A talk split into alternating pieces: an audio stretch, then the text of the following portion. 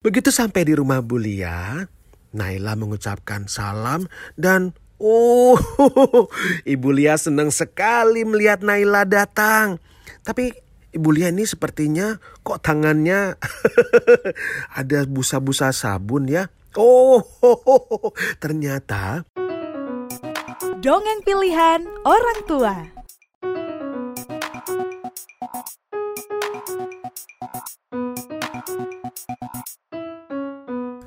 Halo, halo, halo sahabat Nusantara bertutur. Di mana saja di seluruh penjuru Nusantara kali ini kembali Paman Geri Kita ketemu lagi untuk bisa membacakan atau menuturkan cerita yang ada di Nusantara bertutur. Senang sekali semuanya dalam keadaan yang sehat.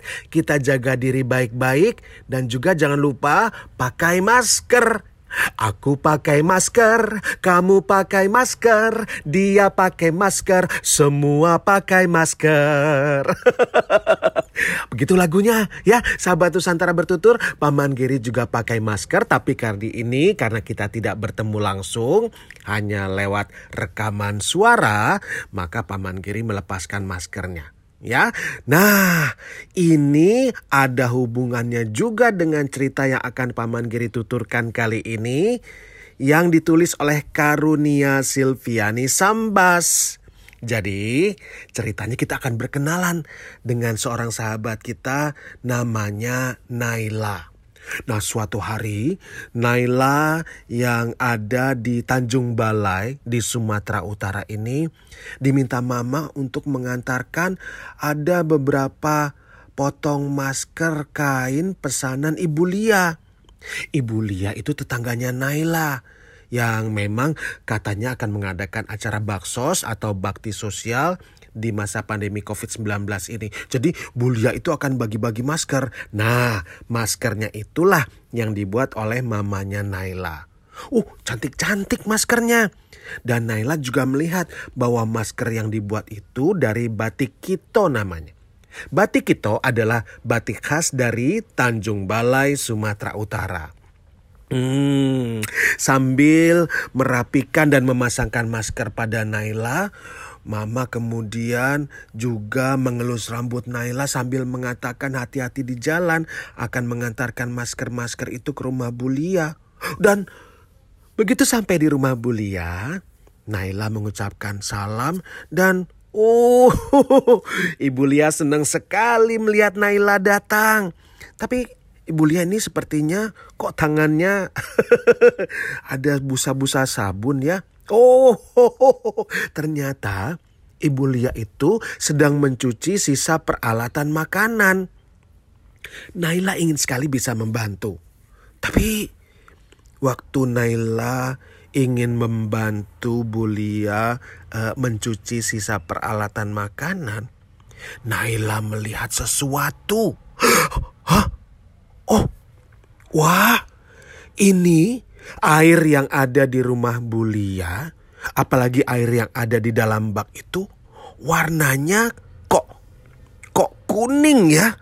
Air kan harusnya jernih atau bening, ini tapi berwarna kekuningan. Naila memikirkan hal tersebut sampai dia tiba di rumah. Oh, Naila ingat sesuatu. Naila ingat Ibu guru waktu itu pernah mengajarkan murid-murid caranya membuat saringan air yang sederhana.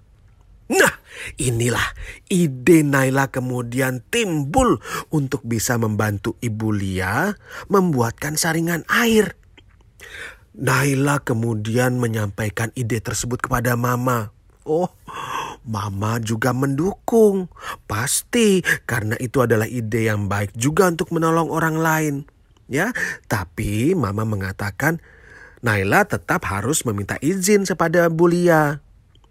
Tentu saja, begitu mendengar keinginan Naila untuk membantu membuatkan saringan air, Ibu Lia merasa sangat terharu.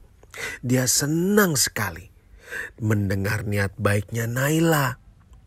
Maka Naila pun kemudian bersiap-siap untuk memulai tahapan membuat saringan air sederhana yang dibantu oleh abangnya Naila sendiri namanya Bang Azizi. Pada hari Minggu, di dekat kamar mandi Ibu Lia, Naila dan Bang Azizi sudah menyiapkan ada macam-macam barang yang ada di sana. Coba kita lihat ada apa saja. Oh, ternyata ada batu bata, ada ijuk, eh ada juga itu apa hitam. Oh, arang, arang ya. Juga ada pasir dan itu kerikil. Naila dan Bang Azizi juga menyiapkan ada drum plastik, keran air yang baru, kemudian lem pisau, eh lem pipa, itu apa tuh? Oh pisau dan juga ada timba air ya. Awalnya Bang Azizi itu membuat lubang di dasar drum dengan jarak kira-kira 10 cm dari dasarnya. Nah, ukuran diameter lubang itu disesuaikan dengan uh, nanti ukuran kerannya supaya bisa masuk dan dipakai. Setelah lubang selesai dibuat oleh Bang Azizi, kerannya kemudian dipasang menggunakan lem pipa. Naila ingin sekali bisa membantu menyusun benda-benda itu ke dalam drum. Wah kelihatan sekali Naila bersemangat sahabat Nusantara bertutur.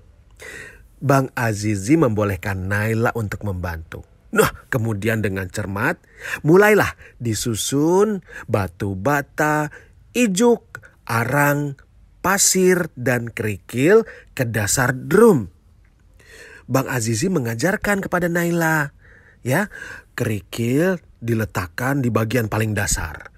Kemudian dilanjutkan dengan ijuk. Lalu pasir, arang, ijuk lagi, dan terakhir, potongan batu bata. Nah, setelah drum selesai diisi oleh barang-barang tadi, Bulia mengambil air yang warnanya kuning itu, kemudian dimasukkan ke dalam drum dan oh oh oh coba kita lihat, kita lihat, kita buka kerannya. Tidak lama kemudian air keluar dari keran Ya, oh, oh, walaupun belum terlalu bening, warna kuning air itu sudah mulai memudar. Wah, Bang Azizi juga menjelaskan, nanti lama-lama warna airnya akan lebih bening lagi. Bulia terlihat sangat gembira. Naila juga tidak kalah gembiranya.